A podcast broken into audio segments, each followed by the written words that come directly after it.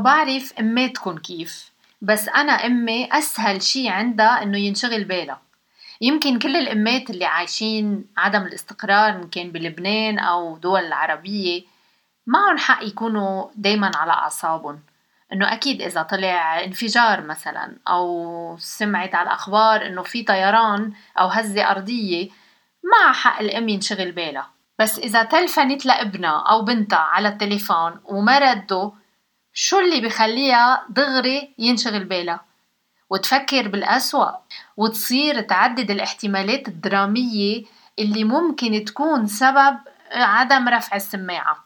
والأسوأ إنه شغلة البال بتصير تتصاعد إذا بعد عشر دقايق كررت المحاولة هو عادة بتكررها وأعادت الاتصال وكمان ما حدا رد. يي! يمكن لأنه الأمات هن دايما بيهتموا بولادهم قد ما كبروا وقد ما عاشوا بعيد عنهم. بيتوقعوا إنه ولادهم كمان مهما كبروا وبعدوا لازم يكونوا متأهبين تيردوا على تليفون الماما. سؤال ابتداء من كم ميست كول من أمي بتصير إعادة الاتصال فيها من أصعب المهمات؟ وبصير بدي حضر هيدي الجملة العجيبة اللي بتطمن من أول كلمة بلفظها من بعد ما أقول ألو ماما.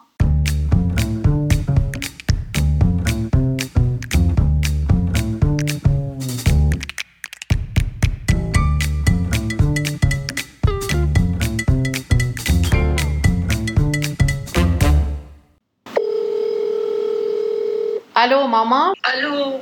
وينك يا عمي؟ صرت دقت لك 16 مرة. ليه ما عم بتردي؟ sorry ماما sorry. كنت عم بتحمم. بعدين ظهرت على السوبر ماركت. بتعرفي بالسيارة أنا ما برد. وبالسوبر ماركت حاطة ال mask.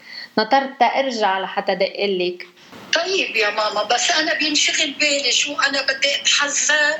ما تبقي تدقي لي بشي message بالقليلة. ماما أنا بخير. بعد شوي بحكي لك. okay okay ماما okay. بس أنت مش كل مرة بتلفنيلي وما برد بينشغل بالك؟ إيه يا ماما إيه يا روحي؟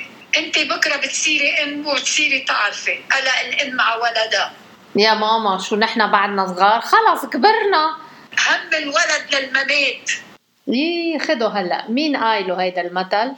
هيدا مثل بيقولوه إنه هم الولد للممات. مين بيقولوا شعب شعب شعوب يعني شعوب وهم الولد للممات بضحكوني أنا هودي الامثال ماشي الحال. إيه مزبوط ماشي الحال. قلبي على ولدي وقلب ولدي على حجر.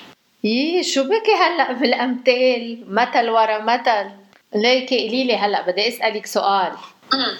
المجدرة بحطوا لها كمون؟ هلا في ناس بتحط لها كمون. أنا ما بحط كمون لأنه عندي أختي بتحبش الكمون بكون عاملة المجدره للعائلة. ما بحط لها كمون.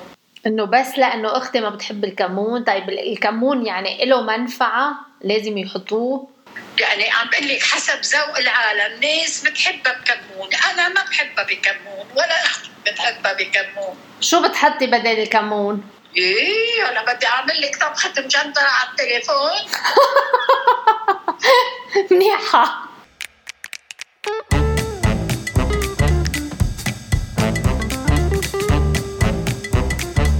على سيرة المجدرة دخلك ليش المجدرة اللي انت كنت تعمليها تبقى هيك سودا أنا شايفة ناس عندهم مجدرة بتبقى شقرة هيك مهضومة. مجدره مهضومة بيقولوا عن الأكل مهضومة. عم بتقولي إنه كانت تكون بيضة ما هو في عدس بيبقى لونه بني أسمر وفي عدس بيبقى لونه أورانج.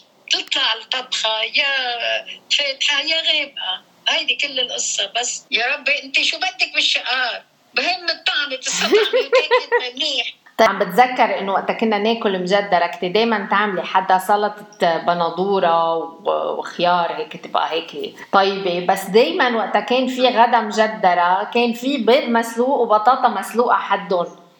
لأنه أمي تخبريني تاكل تبقوا تاكلوا المجدرة.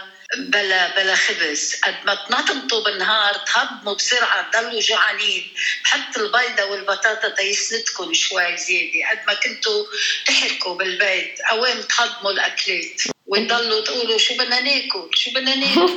لأنه الولد الولد بيحرق كثير لهيك بده يسند حاله بأكل امم بس إنه هلأ من بعد ما صرنا نعرف شوي بالأكل إنه كله هيدا كاربس كان يعني مجدره حبوب وفيها رز وتحطي فوقهم بيض وبطاطا. يا عين. قولي شو بها البطاطا؟ شو بها البطاطا؟ ذكرتيني بهيدي الغنية. عالبطاطا البطاطا. يا أمي مش على البطاطا الغنية بتقول على البساطة بالأول. بس فيها بطاطا نو؟ عالبساطة البساطة. يا عيني عالبساطة قديش مستحلي أعيش عيش. جنبك يا أبو الدراويش ويش شو؟